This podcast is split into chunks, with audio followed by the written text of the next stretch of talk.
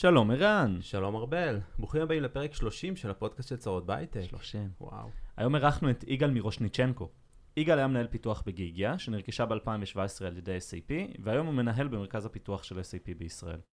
כמנהל פיתוח בקבוצה, יגאל אחראי על אחד מוצרי הליבה של התאגיד הבינלאומי, מוצר אידנטיטי בו לקוחות SAP מנהלים את הזהויות שלהם. דיברנו על הרכישה של גיגיה והמעבר מסטארט-אפ לקורפורייט, תרבות ארגונית ומה משאיר עובדים בחברה, פיתוח עובדים, מסלול ניהול מול מסלול IC, דומיין אקספרט, איך השתנתה דעתו על עבודה מהבית אחרי הקורונה, בניית פלטפורמות ואיך כל אחד יכול להקים סטארט-אפ בתוך SAP.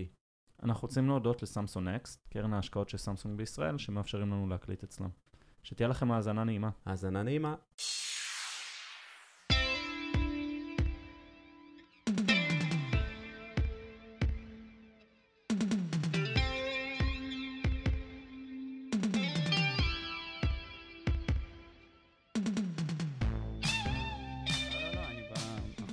במגדל המשולש. אני במשולש. יושב בקומה אה. 43. וואו. יש נוף. יש אוקיי. נוף. רגע, אז אתה בעצם הגעת מגיגיה, אני הוגה את זה נכון? נכון. מדהים. אה, וגיגיה היו סטארט-אפ, ש... מה, מה בעצם גיגיה עשו? או עושים? כן. אז אז גיגיה עדיין עושים. אה, גיגיה נמצאת בתחום שנקרא Customer Identity and Access Management, שזה אה, בגרטנרית מושג מאוד קשוח, אבל אני חושב שהדרך הכי טובה להסביר מה גיגיה עושים, זה נסו להכניס את עצמכם לנעליים של CMO, מנהל אה, שיווק של ארגון מאוד גדול, כמו נניח נסטלה. לערן זה מאוד קל. אז דמיינו, נגיד שאתם ה-CMO של נסטלה. אתם יושבים בשוויץ, ואתם מנהלים אלפי ברנדים שפועלים ב-200 שווקים או ב-200 מדינות, מהמם.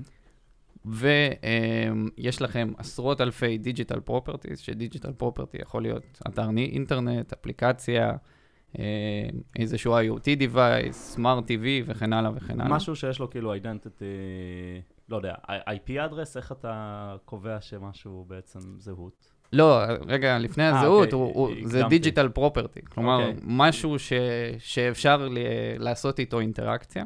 מהמם. אה, זה כתוב באלפי טכנולוגיות, נכון? וזה כתוב על ידי המון אנשים, חלק בתוך החברה, חלק מחוץ לחברה, חלק סתם כן. ילד שהקים להם איזשהו אה, אתר נחיתה. מהמם. והוא נוגע בהמון המון לקוחות.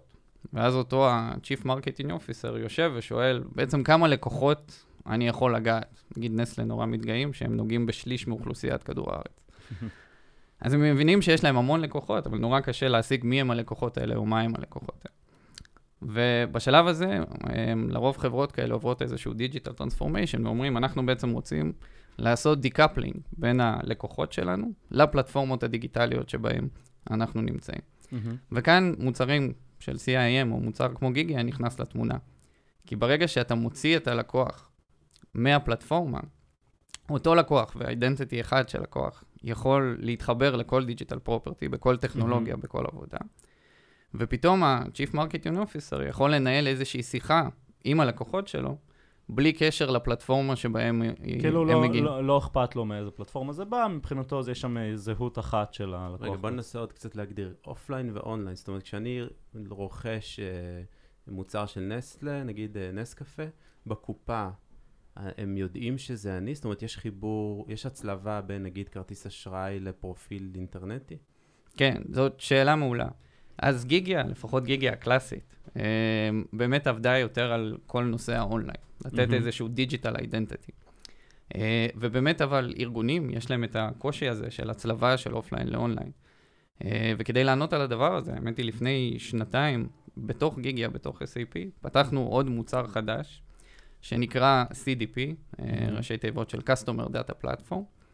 שבא באמת לעשות את ההשלמה הזאת של בדיוק מה שדיברת. הרעיון של Customer Data Platform זה עכשיו שיש לך אידנטיטי של לקוח, יש גם המון המון מטריקות שמתקבלות לגבי אותו לקוח. רכישות, אה, שיחות טלפון, מהמם. דברים שקורים באונליין זה כאילו. להעשיר בעצם את ה identity הזאת ולתת כל ה data הזה. כן, גם לא סתם נתת את הדוגמה של CMO, זה ממש כאילו גם בעיות שמתמודדים איתן בפלטפורמות שונות, אפילו נדבר רק על אונליין, אז בכלל קניות offline. לגמרי, נגיד הדוגמה הכי טובה של. אה, CDP ו-CIAM ואיך הם עובדים ביחד, זה אה, הדוגמה של הפרסומות שרודפות אחריך. כן. לי יש את הדוגמה הזאת לא מזמן עם מכונת קפה. אוקיי. שלרוב אתה מתחיל uh, לעשות איזה סקר שוק, נכון, באונליין של מכונות קפה.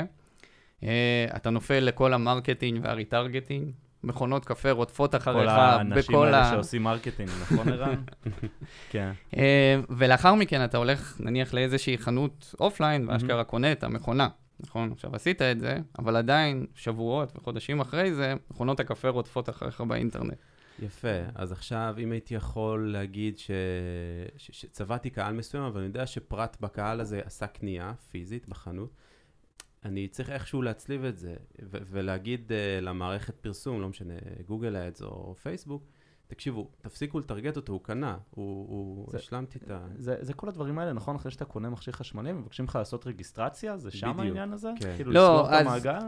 לרוב, בסוף אתה רוצה איזשהו value proposition. מהמם. נניח בתוך החנות, כשאתה נרשם, אתה אומר, בוא תכניס את האימייל שלך או תכניס את הטלפון שלך כדי לקבל הנחה, אה, כדי נכון. לקבל משהו.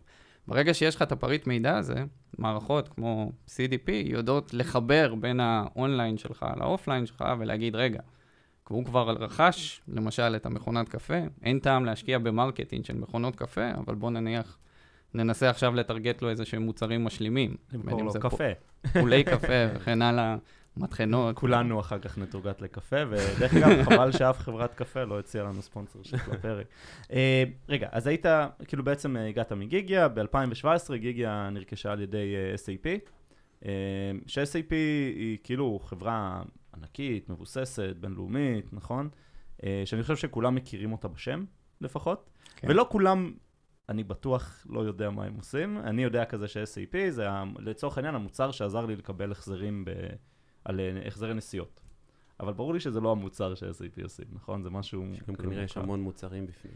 אז זהו, זה נכון. אז SAP הקלאסית התחילה מתחום ה-ERP. וזה מה שכולם מכירים, זה מין אתה כזה, רוצה להסביר שנייה מה זה ERP? כי לא כולם מכירים. בשמחה. אה, אז ERP זה ראשי תיבון של Enterpri- Enterprise Resource Planning, אה, שהרעיון זה לקחת איזושהי מערכת מידע אחת ענקית, שתמחשב את כל הארגון שלך. שתהיה איזשהו מונוליט, שכל התהליכים ירוצו בתוכה. בין אם זה תהליכי רכש, תהליכי ייצור, supply chain, HR, כל דבר ש, כן. שאפשר לעשות. אמ, וזה, ה, בוא נגיד, כור מחצבתה של, של SAP.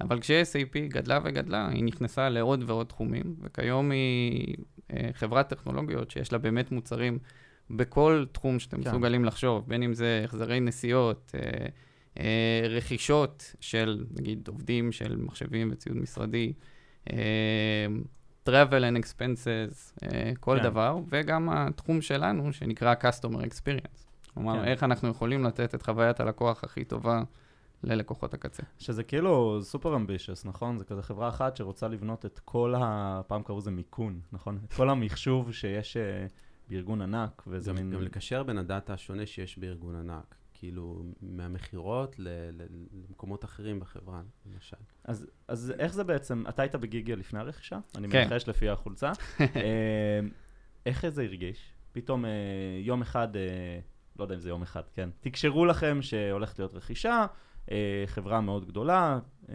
הולכת לרכוש את גיגיה. אה, מה, מה חשבת באותו רגע? מה חשבת שהולך לקרות?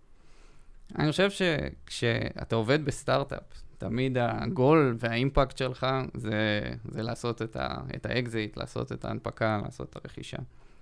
אה, וברגע שזה קורה, אז מצד אחד יש את ההתלהבות הראשונית, והוא מה קורה ו, ומה עכשיו, אה, ואז יש המון מקום של אי-ודאות, כי אתה באמת נכנס ל corporate ענק עם אה, תרבות שונה ו- מהמם. ודברים שונים.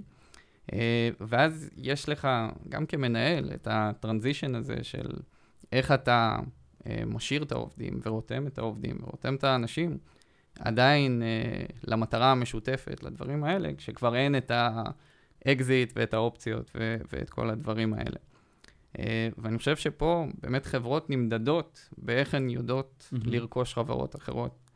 אה, ואני חושב ש-SAP עשו באמת עבודה טובה, שהשאירו לנו את היכולת להחזיק את ה... בין אם זה את המשרדים שלנו, את התרבות שלנו, את החולצות שלנו, כמו שאתם... יואו, זה כל כך חשוב. אמרתם נכון. באמת, כאילו... אני חושב ששמעתי את זה מה- מה-VP קורפדב שלנו לא מזמן, רוני, שהיא אמרה לי, אם אה, חברה נרכשת או רוכשים חברה, צריך קודם כל לתת להם כמה חודשים לנשום. ולהבין שהכל בסדר, ו... וכאילו הכל, אה, הכל תקין, והם מגיעים ממקום טוב שרוצה לעזור להם, אבל לא רוצים לשנות אותם, כי רכשו אותם בגלל משהו שהם מביאים, נכון? כן. אה, עכשיו... ולגרום אה, להם בסוף גם כזה להרגיש עם, אבל ללכת בלי. כן. במובן מסוים. שכזה היתרונות של, של תאגיד גדול, אבל לשמור על, ה, על הצביון. על הוולוסיטי, כן. על העבודה. אה, ובעצם אה, התבצעה רכישה, דיברנו קצת על התהליכים שסאפ עשו כדי, לק... ש-SAP עשו כדי לקבל אתכם. אה, ומה אתה חושב שעבד מאוד טוב? מה היה, מה גרם כזה לעובדים לנשום כאילו ולהגיד יואו איזה יופי הגענו למקום טוב אבל, ואנחנו יכולים להמשיך איפה שאנחנו. אז א- אני חושב שבסוף זה נורא מגיע לנושא של תרבות. Mm-hmm. בסוף אתה רוצה שהמפתח הבודד אה, ירגיש כמו שהוא הרגיש לפני הרכישה, ירגיש שהוא יוצר איזשהו אימפקט, שיש לו מטרה, שכיף לו לבוא אה, בבוקר לעבודה, אה, ובסוף זה, זה הדברים ש, שאנחנו מגיעים אה, בשבילם. ומרגישים את זה? זאת אומרת, מפתחים ומפתחות אצלך, ובכלל כל העובדים בגיגיה, אקס גיגיה, הם מרגישים שהאימפקט שלהם גדול as it was אה, בגיגיה? גם בתוך SAP? אה, אני חושב ש... אני מאוד מקווה שכן.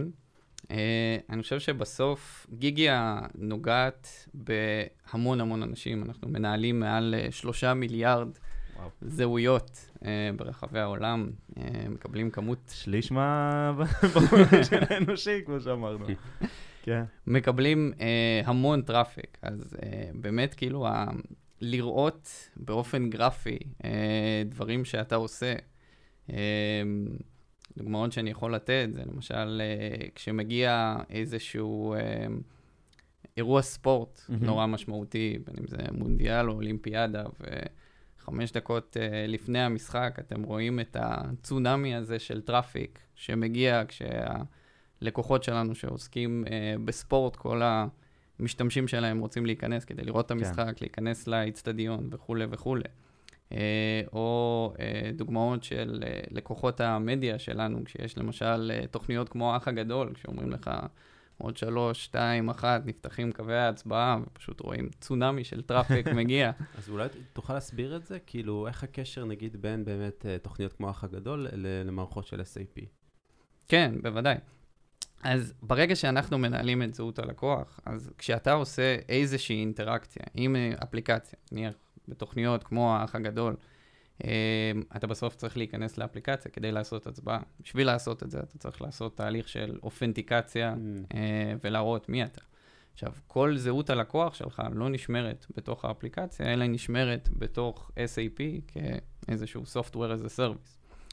ולכן כל ה traffic הזה, כל העבודה הזאת, בעצם משורתת על ידי גיגיה בתוך SAP. ו- ואיך נראית הזהות שלי? זאת אומרת, אם היינו מסתכלים על זה בתוך SAP, איך, איך זה נראה? אז זה נורא תלוי בין brand ל brand, כאילו, מה ה brand רוצה לשמור עליך. אמ, אחד הדברים שנורא עכשיו ב- אמ, מאוד חשובים בעולם הזה, זה כל הנושא של לנהל את המערכת היחסים הזאת עם הלקוח, אבל לנהל אותה באופן שהוא trustworthy. כן, בדיוק. כלומר, שתמיד כשאתה נותן איזשהו מידע, אתה מסכים לתת את המידע, ואתה מבין בשביל מה אתה נותן את המידע. ושהמידע הזה שמור טוב ו- ואין שום בדיוק. וש... אני חושב שיש באמת כאילו אה, מעבר נורא גדול, אם אני מסתכל לפני חמש שנים, שמידע, או PII data, personally identified information data, היה נחשב כ- כאיזשהו asset. היה לנו לקוחות שהיו ממש אומרים, כאילו, אה, לא יודע, נגיד כשמישהו עושה לוגין עם פייסבוק, איך אני מוציא את כל המידע מהפייסבוק על הלקוח? אנחנו חברות אומרים, נקנו ו- ונמכרו רק בגלל זה. בדיוק, ואנחנו אומרים, אם הוא נותן לך את ההרשאה לדבר הזה, אז אתה יכול לקחת, אם לא, לא, לא, אבל אם נגיד אפילו אם הוא לא נתן את ההרשאה, איך אני יכול למשוך את הדבר? זה-. נשמע לי כמו ביזנס אחר לגמרי. נכון, אז, אז אנחנו לא שם. אה, ועכשיו דווקא ההפך, המון חברות רואות ב-PII דאטה כאיזשהו liability. נכון. נכון. ולכן לקוחות ההפך באים ואומרים, אני יודע שהוא נתן לי הרשאה למשל לחברים שלך בפייסבוק, אבל בוא תמחק את זה, אני לא לא משתמש בזה, אני לא רוצה. להיות... אולי אני אעשה שנייה איזה כזה הקדמה. PII למי שלא מכיר, זה personal identifying information, אה, נכון? וזה הכל. הנקודה שאני מנסה להגיד זה שזה פשוט יכול להיות כל דבר, גם דברים שאתם לא חושבים עליהם, החל מה-IP address, אה, דרך username לפעמים, דרך מיקום גיאוגרפי שהיית מיקום בו גיאוגרפי, בזמן הזה. אה, וחברות, גם טכנולוגיות, ובטח כאלה שלא טכנולוגיות, לא, זה מפחיד להתעסק בזה, זה מאוד מסוכן. אה, המס על אה, לעבור על GDPR זה כזה אה, 4% מההכנסות, מההכנסות, לא מה profit השנתי, או משהו מופרך, לא מופרך, אבל ענק. כן. אה, ולהביא מישהו שיודע לטפל בזה, זה מאוד משמעותי לחברות. אה, הרבה משתמשים ב-third party בדיוק בגלל הדברים האלה. אה, רציתי לשאול אותך... אני חושב שזה. אגב, גם אה, עוד נקודה נורא טובה של באמת ההבדל בין, בין סטארט-אפ ל corporate. אה, כשאתה סטארט-אפ, אז ה-liability שלך, הסיכון שלך, אה, הוא, הוא נורא תחום, נכון? נגיד עברתם על חוקי ה-GDPR, או יש כן. איזשהו משהו, מה גודל ה- ה- המכה? לא יודע, זה יהיה 100 מיליון דולר והסטארט-אפ ייסגר. חזוז מהר, צריך... אה, כן. לא, אבל אה, מכיוון שהסיכון הוא, הוא בסוף תחום, כן. אתה מוכן לקחת הרבה סיכונים. כשאתה קורפרט, כן. אז פתאום הסיכון הופך להיות משהו של מיליארדים. אז נכון. פתאום כל הנושא הזה של security, כל הנושא של compliance, מקבל משנה חשיבות. אז המון כאילו חושבים שנגיד ב corporate יש אה, ביורוקרטיה או כל הדברים האלה כן. שאנחנו מחשיבים אותם לשליליים, אבל המטרה של זה זה באמת כאילו בסוף לגדר את הסיכון, כי הסיכון ב corporate הוא הרבה הרבה יותר גדול. אני חושב שזה מדויק. זה... אני למדתי ב corporate שאני הייתי בהם לעבוד עם legal, למשל. ויש תפיסה מאוד כזה ש legal חוסמים אותך ומפריעים לך. אבל זה בדיוק ההפך. הם באמת מנסים לעזור לך להשיג מה שאתה רוצה, אה, בלי, אם להקטין את הסיכון. ולפעמים צריך לקחת סיכונים, וטוב שיש מי שעושה את ה risk management הזה בשבילנו, מה שנקרא.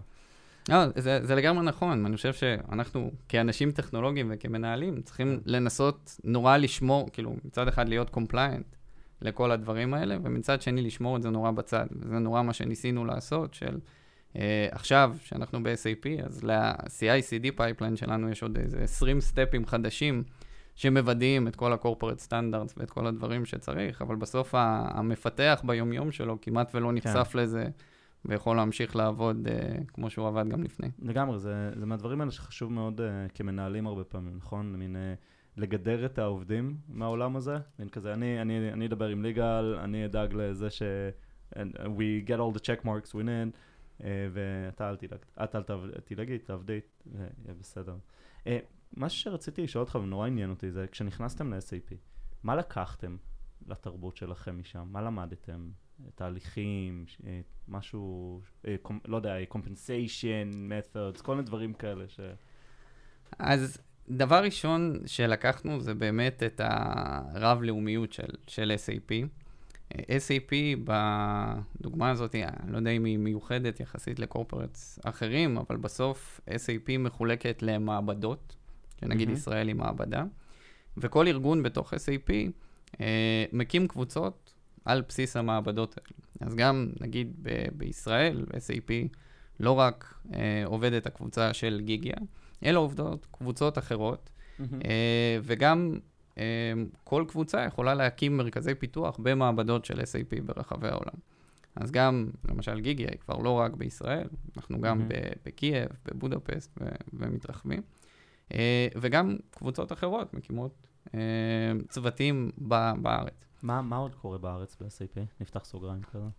אז אה, יש הרבה מאוד קבוצות אה, ב-SAP אה, שעובדות בארץ. SAP בכלל היא עכשיו נורא ב-transition phase גדול כזה של להפוך ל- לחברת ענן, זו האסטרטגיה, זה להעלות הכל מהמם. לקלאוד, להפוך הכל ל-software as a service.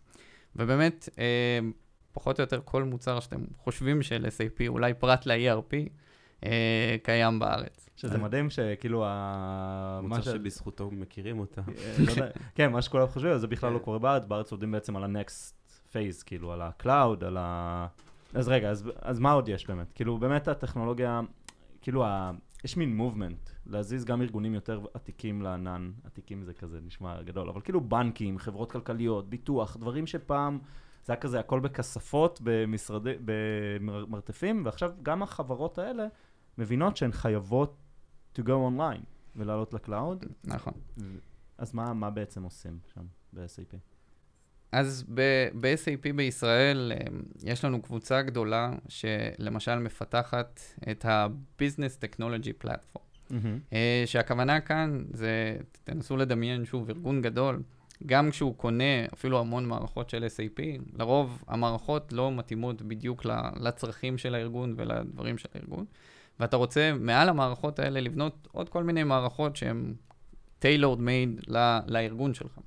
ואז פתאום אתה צריך איזושהי אה, תשתית כדי לבנות, לעשות הוסטינג לאפליקציות הזאת, לעשות אינטגרציות למערכות המידע הגדולות של SAP שיש לך בתוך הארגון. Uh, והביזנס טכנולוגי פלטפורם בדיוק גם נותן מהמם. לארגונים גדולים את היכולת הזאת של uh, uh, לעשות hosting ל applications, להשתמש ב services, לעשות database־ים, message queues וכל מיני דברים כאלה.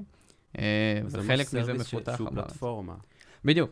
זה service שהוא פלטפורמה, um, כמו ה-hyperscale, כמו שאתם מסוגלים לחשוב על AWS ו-Azure, אבל uh, שהמטרה זה לא רק לתת את ה... נגיד את הברזלים, בין אם זה כן. compute או, database או message queues, אלא גם באמת לתת את האינטגרציה הזאת לתוך האפליקציות של SAP, כדי שאם אתה רוצה, לא יודע, למשוך את ואז אני יכול על שלך. גבי זה בעצם לבנות עוד כל מיני דברים ולעשות. כן, כי SAP הרבה בדיוק. פעמים בפועל, גם עוד לפני שקראו לזה platform as a service, נכון? הם בנו platform as a service in a way, אה, ובעצם עכשיו אתם בונים גם את ה infrastructure, אם אני מבין נכון, וגם את ה-services over the platform. בדיוק. רואים שהייתי ב cloud פעם? אה, יצא לי את כל הזה. אה, אז רגע, אז בואו נחזור לבאמת מה, מה לקחתם מ-SAP. מה, מה כן למדתם? דיברנו על מעבדות טיפה ועל השיטת עבודה. כן. אחד הדברים הנוספים שבאמת לקחנו זה את כל הנושא של אה, פיתוח עובדים ולנסות לראות את ההתקדמות ואת ההתפתחות של עובדים ושל מנהלים. כשאתה אומר אה. התקדמות, אתה מתכוון בהתקדמות כאילו להתקדם בקריירה? כאילו promotion ממש? קידום כאילו? אוקיי. כן, אז SAP, כשאתה קורפורט של, של 100 אלף איש, אתה חייב uh, לעשות פורמליזציה לכל דבר. Uh, וב-SAP יש כאילו ממש דרגות כאלה של, uh, לא יודע, מפתח זוטר, מפתח, מפתח בכיר וכן הלאה וכן הלאה. Levels. בדיוק, levels. וזה גורם לך uh, גם לחשוב, באמת לעשות פתאום קטגוריזציה של אנשים. Uh, מהמם. לתחומי קריירה שלהם, ולנסות לראות איך הם מתפתחים ל-level הבא, ובאמת לצקת קצת תוכן לדבר הזה, מאשר, אתה יודע, מין אה, אה, קיבל- הרגשה כזה, נראה לי אתה פה מספיק, אתה יודע זה, אתה סיניור. בדיוק, זה. קיבלת דרגה, קיבלת את התוספת שכר, אה, שא ברכה. הוסמכת. אה, ואחד הדברים ה- היפים ש- ש-SAP באמת עושים בדבר הזה, זה נניח כש- כשאנחנו צוותי פיתוח, נורא קל אה, לראות את ההתקדמות כשאתה בוחר ב- במסלול של הנהלה, נכון? אתה נכון. מתחיל כאיזה מפתח, הופך להיות ראש צוות, ראש קבוצה, אחר כך ראש, אנחנו עובדים על מה זה, כן. חטיבה, ארגון אה, וכן הלאה.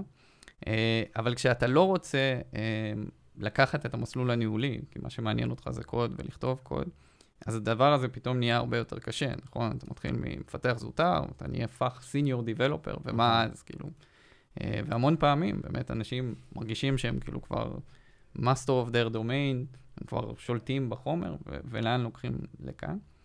אה, וב-SAP הם באמת עשו בדרגות, שהחל מהדרגה של סיניור דיבלופר, הדרגות מתפצלות לשניים. מהמם. אתה יכול להיות או people manager, או שאתה יכול להיות uh, מה שנקרא professional expert. שזה במקומות אחרים IC IC, נקרא לזה, כן. individual contributor. לא, אתה בכל מקרה IC, אבל אה, אתה כאילו הבנתי. נהיה איזשהו professional expert. עכשיו, אוקיי. מבחינת הדרגה, ה-compensation וכל הדברים האלה, הם מתקדמים בד בבד, מהמם. אבל עדיין יש לך את המקום הזה להתקדם uh, כ-individual contributor, כמו שאתה אומר, אבל מקצוען, uh, במעלה השלבים. וואי, אני חושב שזה אחד הדברים ש...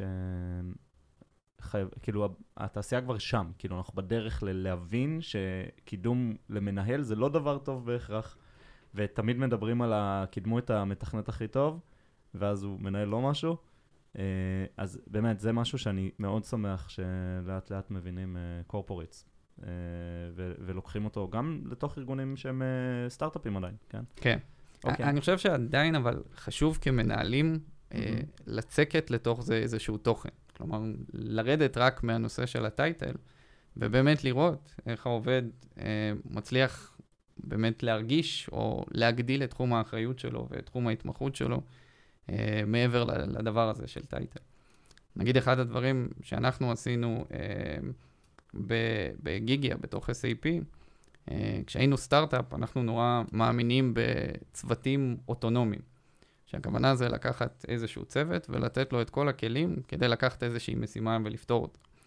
זה אומר ש, שאותם הצוותים, הם קצת מתפקדים בתור product, הם קצת מתפקדים בתור ארכיטקטים, הם מתפקדים כמפתחים, הם עושים את ה testing, הם עושים את ה deployment והם עושים את ה operations. וככל שהארגון גדל, ובאמת כאילו מאז שנכנסנו ל-SAP, טפו טפו טפו, אנחנו בערך מכפילים את עצמנו uh, כל שנה. כמה אנשים זה עכשיו? אה, בקבוצה? כשנרכשנו, או כשאני הגעתי לפחות ל-SAP, אני חושב שכל ה-R&D היה כ-40 איש, עכשיו אנחנו קרוב ל-200 וגדלים, ושוב, זה רק ה... כן. הארגון של גיגיה. ו-SAP בארץ זה 700-800 כזה אנשים? בדיוק. אוקיי, אז התחלת לדבר אבל על המבנה הזה של הסקוואדס. בדיוק, אז אצלנו זה צוותים וצוותים אוטונומיים. ועכשיו כש, כשהארגון גדל, אז עדיין כולם אוטונומיים, אבל אתה צריך לעשות איזשהו קוריאגרפי. אתה צריך ל... כן. לסנכרן ביניהם, אולי לא ברמת ה coupling, אבל כן לעשות איזה קוריאוגרפיה. אמ, ששוב, כש, כשהיינו נגיד יותר קטנים, אז המנהלים היו עושים את זה. היה ראש קבוצה, שהיה גם איש טכנולוגי, והוא פתר את הבעיות הטכנולוגיות, כן. עשה סינכרון וכל מיני דברים כאלה. ככל שאנחנו גדלים, אמ, אתה פתאום רואה ש, שאין זמן להתעסק בכל, בכל הדברים. ואז באמת לקחנו את המפתחים הכי בכירים שלנו ויצרנו משרה כזאת של אה, ארכיטקט, שארכיטקט זה באמת... אה, כן. משרה מאוד אמורפית אה, בעולם כן, כן. שלנו, כן. ובכל חברה יש לה איזושהי מטרה אחרת. פגשתי הרבה ארכיטקטים שעשו דברים שונים לגמרי. כן, נוצר בעצם בשר בעניין הזה של הסינכרון בין הצוותים, בתפקיד הזה. כאילו, פתאום נהיה תפקיד מאוד מאוד חשוב. בדיוק, כן, כן. ו, ואז זה, זה היכולת לעשות דלגציה באמת לכל ההחלטות הטכניות והדברים האלה. אה, וגם לצוותים יש איזשהו מישהו שיכול ללוות אותם, כן. להסביר להם, לעשות להם mentorship, לעשות להם עבודה. אה, ובאמת כשאתה בארגון כל כך גדול של SAP, אז גם נגיד משרה כמו ארכיטקט, יכולה לקחת מנעד מאוד גדול. יש כאלה שמה שהם אוהבים בארכיטקט זה דווקא עדיין להישאר קרוב לקוד, לעשות איזשהו POC, ללוות צוות, אולי להיכנס לאיזשהו ספרינט ולפתח איתם כדי לקדם פרויקטים. לעומת זאת, יש ארכיטקטים אחרים אצלנו שרוצים לקחת את זה הרבה יותר ל-high-level.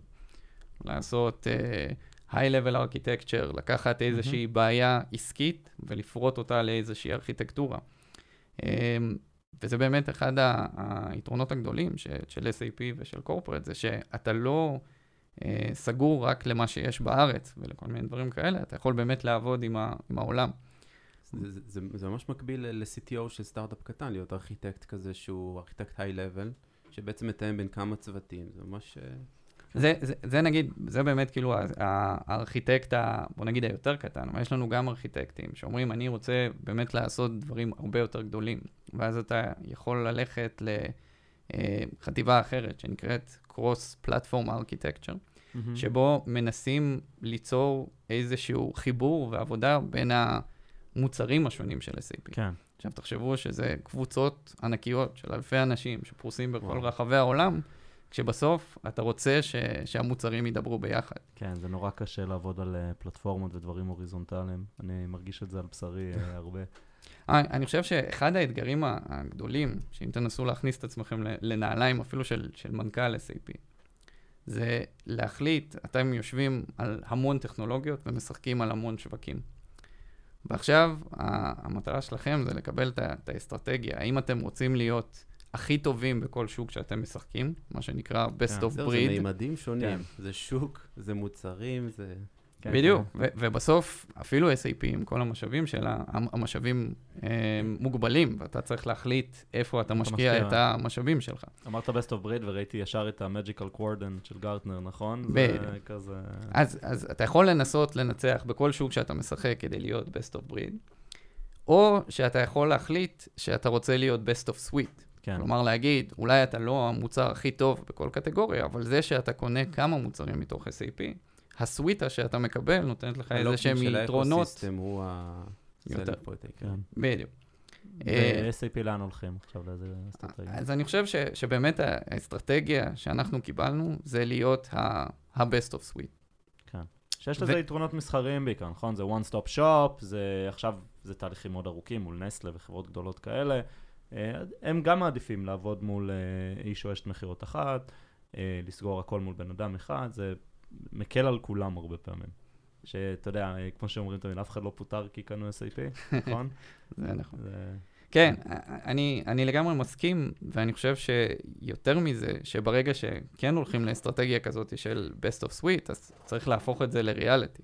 פתאום צריך אה, לסנכרן את כל המוצרים האלה כדי, למשל, שהלוק אנד פיל שלהם יהיה זה, כדי שתוכל לעבור בכלל בין מוצר למוצר. שתרגיש בבית בכל מוצר, ובלי בלי שאתה צריך ללמוד מחדש אה, את כן. ה-UI.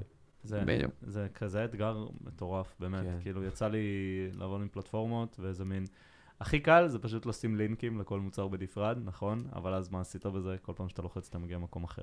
ואז אתה צריך איכשהו לגרום לכולם לעבוד ביחד, ושהדיזיין ייראה דומה, ה-UX ייראה דומה. טוב, ואפילו בצד הטכני אני אפילו לא נכנס לזה. לא, לא, לא, באמת. זה, זה יכול להגיע לפעולה הכי פשוטה, נגיד טכנית דווקא, שאני אקח, של אה, להחליף מפתחות הצפנה. אוקיי. דמיין על, לא על מוצר כזה. בכלל. לא, לגמרי, נגיד, ברוב החברות, פעם בשנה אתה צריך לגלגל מפתחות הצפנה. נכון. אבל אם יש לך 20 מוצרים של SAP, פתאום זה הופך להיות פרויקט אה, בסדר גודל. כאילו צריך לבנות מוצר שמאפשר להחליף הבטחות הצפנה, נכון? וגם בדיוק. שם יש כל מיני use cases. יש כזה bring your own key, יש create key, יש... אה, בדיוק. אז באמת יש לנו אנשים כן. שאם זה מה שחפצה נפשם, נקרא לזה כן. ככה, אה, אז הם באמת יכולים לעבור, לעבוד אה, עדיין בארץ, כלומר אפשר לעשות גם רילוקיישן, אבל גם מהארץ, אה, לעבור לעבוד בקורפרט, נקרא לזה ככה, אה, ולהתעסק עם תהליכים כאלה שהם חוצי מערכות וחוצי חטיבות בתוך SAP. מהמם. אז יש את ה... זה, המעבר ההוריזונטלי הזה בתוך החברה. כאילו, בן אדם רוצה לעבור משהו אחר, יש איזשהו תהליך... אה, מובנה. כן, לגמרי. אני חושב שזה שוב חוזר ל, אה, לניהול קצת, אבל בסוף אתה רוצה אה, שבן אדם יתקדם, ובן אדם באמת יגשים את עצמו, אה, ואתה תמיד מנסה למצוא לו את, ה, את המקום הכי טוב בשבילו. אה, וב-SAP יש, יש הרבה אפשרויות כאלה. אז מהמם. באמת נתנו את הדוגמה שאתה יכול לעבור אה, פשוט צוות בתוך הקבוצה שלך ולהתעסק בדומיין אחר. אתה יכול לעבור למוצר אחר, נגיד במעבדה בישראל. אתה יכול לעבוד אמ, מול הקורפורט או מול מישהו בחו"ל ולהיות שם אה, ולתת את האימפקט שלך וכולי וכולי. אה, ואפילו, מה שעוד יש לנו, זה אתה יכול להקים סטארט-אפ בתוך SAP. אוקיי, ספר לנו על זה שנייה, מה זה אומר?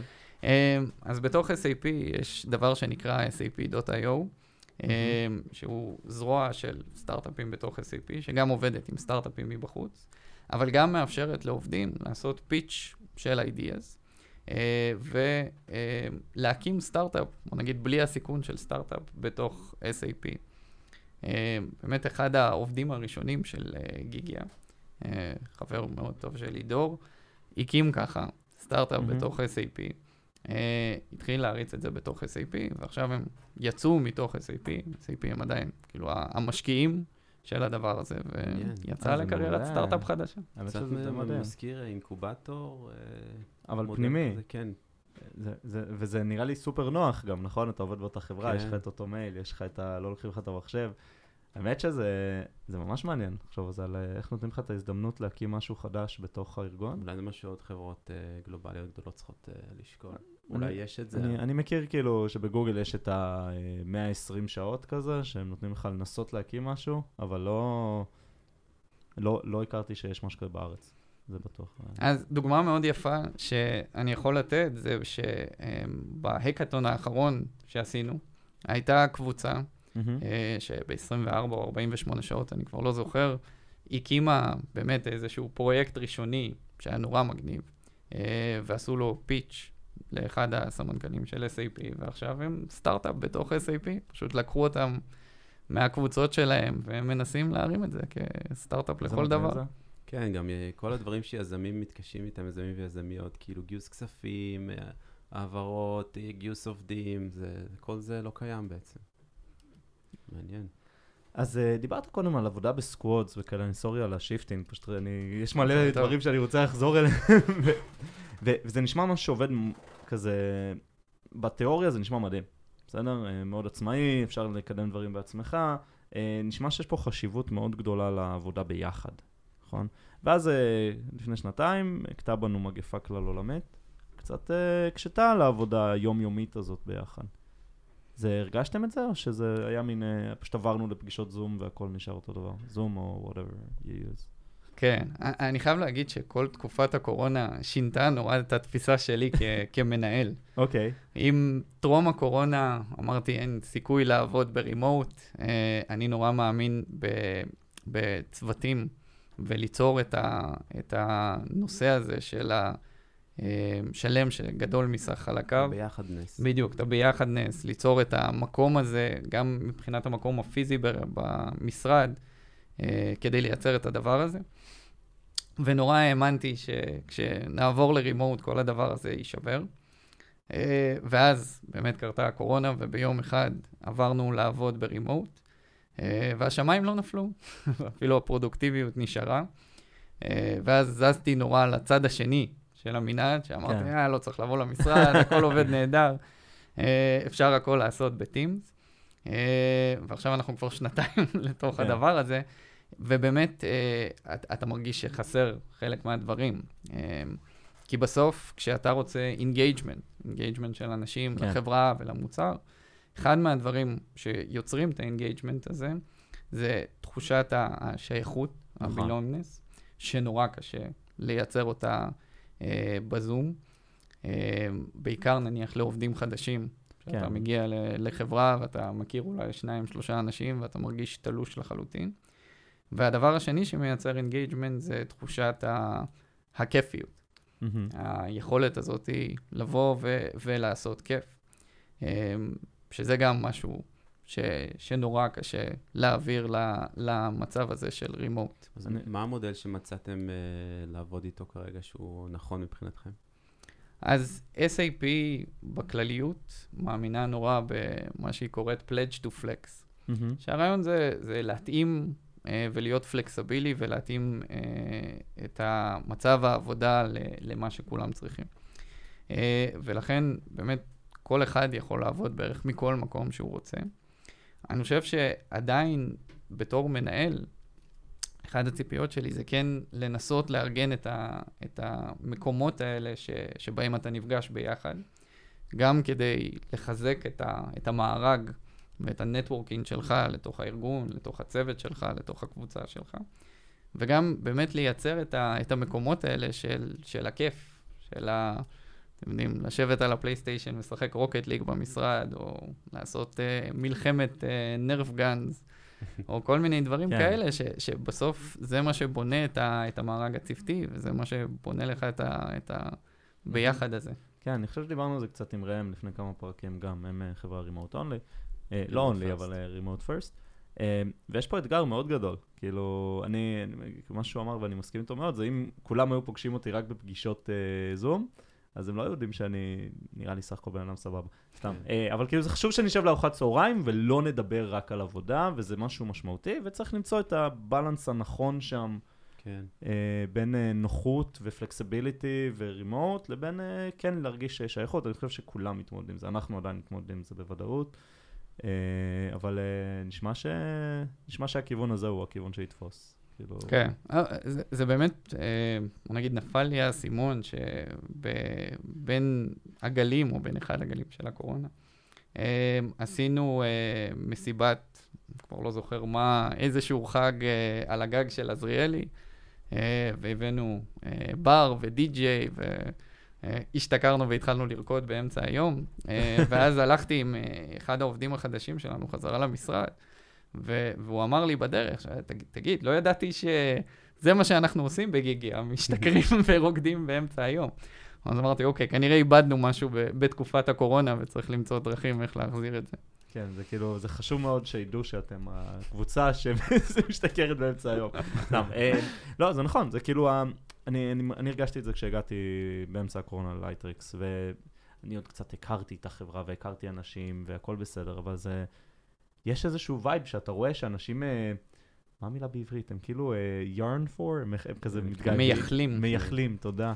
אה, שכזה היה משהו וכזה מאוד קשה לשחזר את זה מהבית, ו- ונכון, צריך אה, לפתור את הבעיה, ונשמע שאתם בכיוון. ואני דווקא מזדהה עם החלק של, אה, של הרכבת הרים הזאת.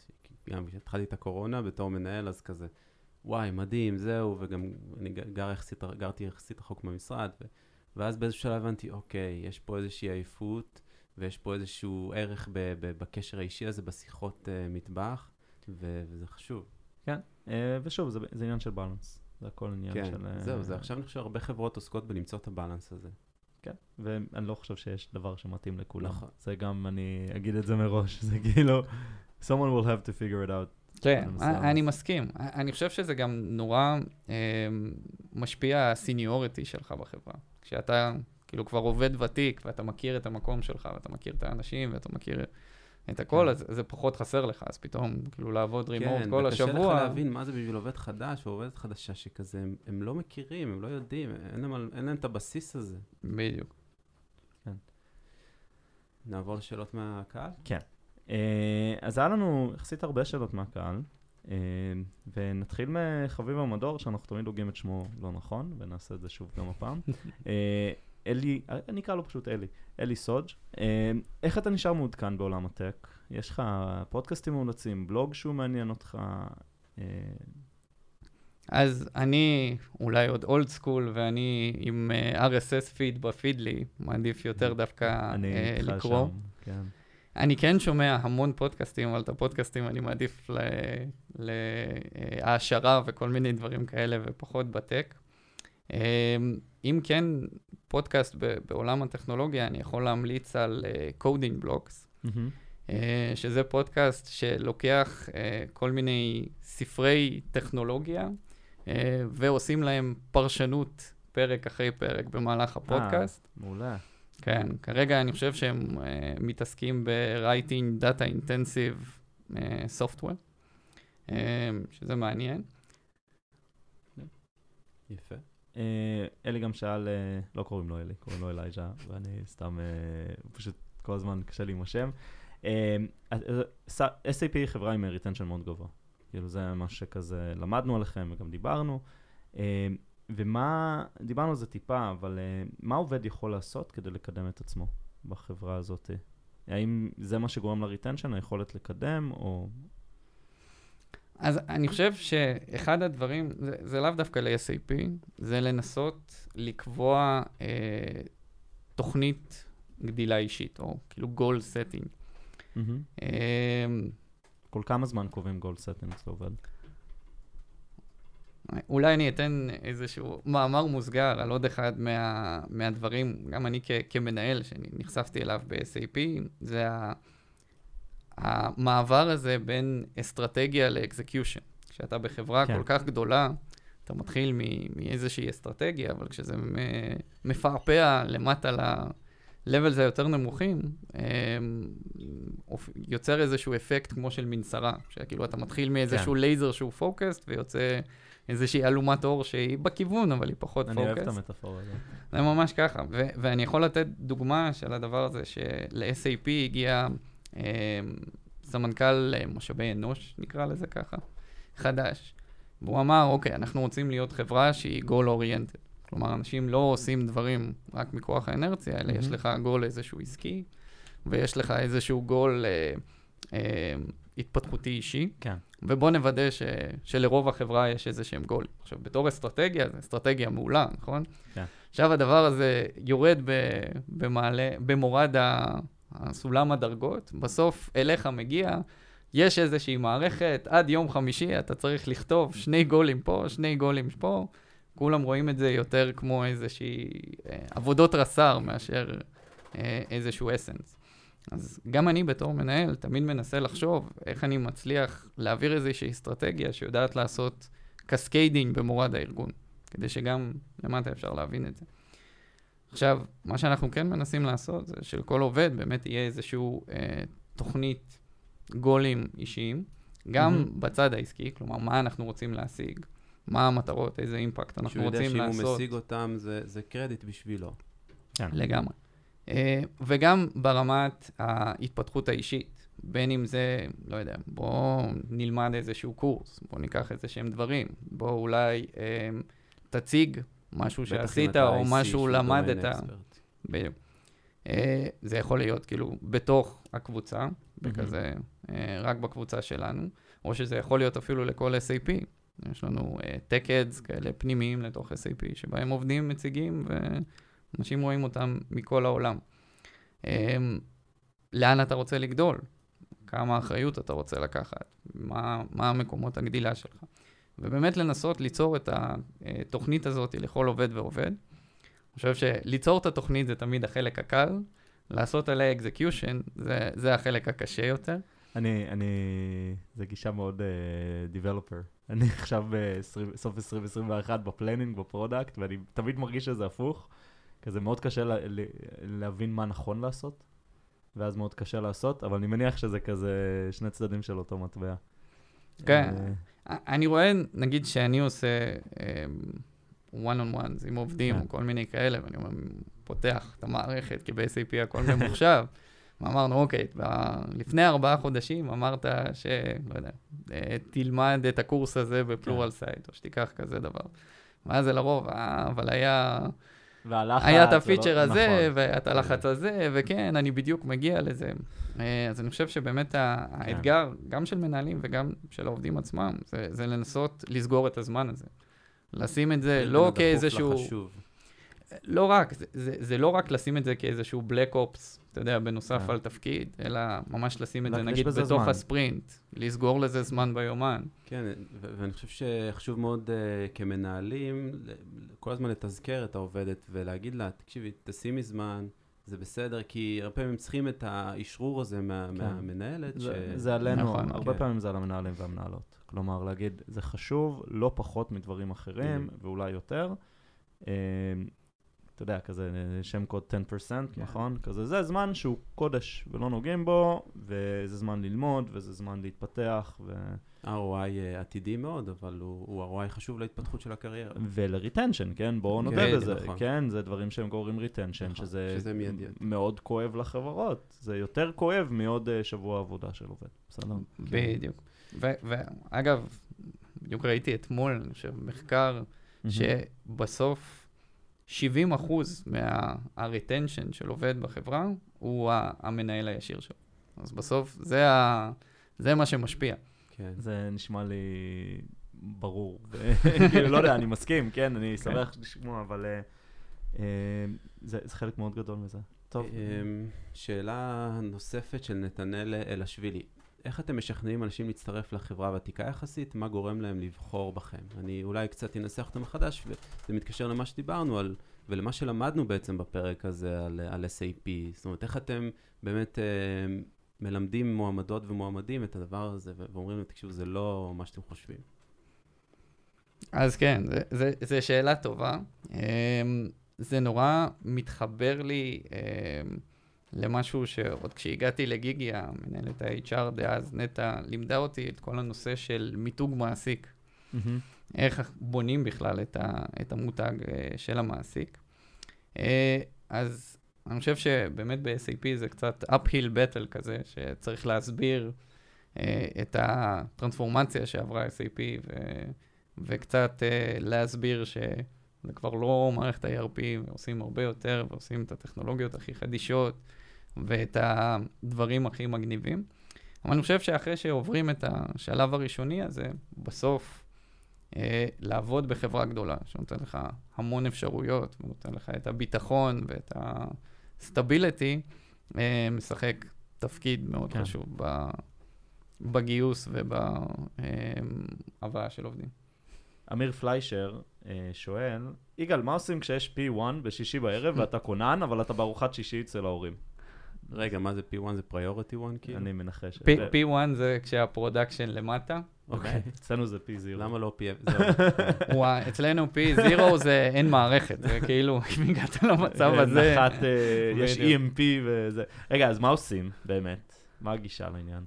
אז זה, זה באמת השאלה ה... מרמזת על מקרה אמיתי. האמת, כן, היה לנו אחד ה-P1ים שאני זוכר, אני לא חושב שזה של אמיר, אבל uh, אה, היה לנו P1 באמצע ליל הסדר, ואנשים בארוחת החג עם הלפטופ מנסים אה, לסדר. אה, כן, אבל אני חושב שזה מגיע עוד פעם לא, לאוטונומיות ולאחריות שאנחנו מנסים לתת לצוותים. אה, אני תמיד אומר ל... למפתחים שלנו, שבסוף, כאילו, אם בנית את זה, אתה עושה, you, you run it, you own it. Yeah, אם זה נשבר זה בגללך. בדיוק. oh, וזה באמת, אין לנו, אחד הדברים ש, שאין לנו בגיגיה לפחות, זה, זה אין לנו QA. Mm-hmm. אז המפתחים שלנו כותבים המון טסטים. כן. כותבים המון המון טסטים. הם כותבים הרבה יותר טסטים מאשר הם כותבים קוד. אה, והמטרה של זה, זה שככל שתכתוב יותר טסטים לפני, ככה אתה תישן יותר טוב בלילה אחרי. בתקווה לא יהיה גם P1 בערב חג. אה, טוב, יגאל, היה ממש מעניין. אה, כן. אני למדתי המון. יש משהו שרצית להגיד שלא הספקנו להגיד? כן, אז כמו שאמרתי לכם לפני, גם Gigya וגם SAP ממשיכים לגדול, וכמו כל החברות כנראה, כרגע בשוק, גם אנחנו מגייסים אה, בהמון המון תחומים, בין אם זה front-end, back-end, אם אתם junior, אם אתם mid, אם אתם senior, mm-hmm. באמת, אה, הכל מהכל, product. שמעתם? יש junior ים גם. זה, זה באמת, זה מאוד משמעותי, הרבה פעמים בקבוצה זה המשרות שמחפשים. אה, טוב, היה ממש כיף. תודה רבה, יגאל. תודה, יגאל. תודה, גם אני נהניתי.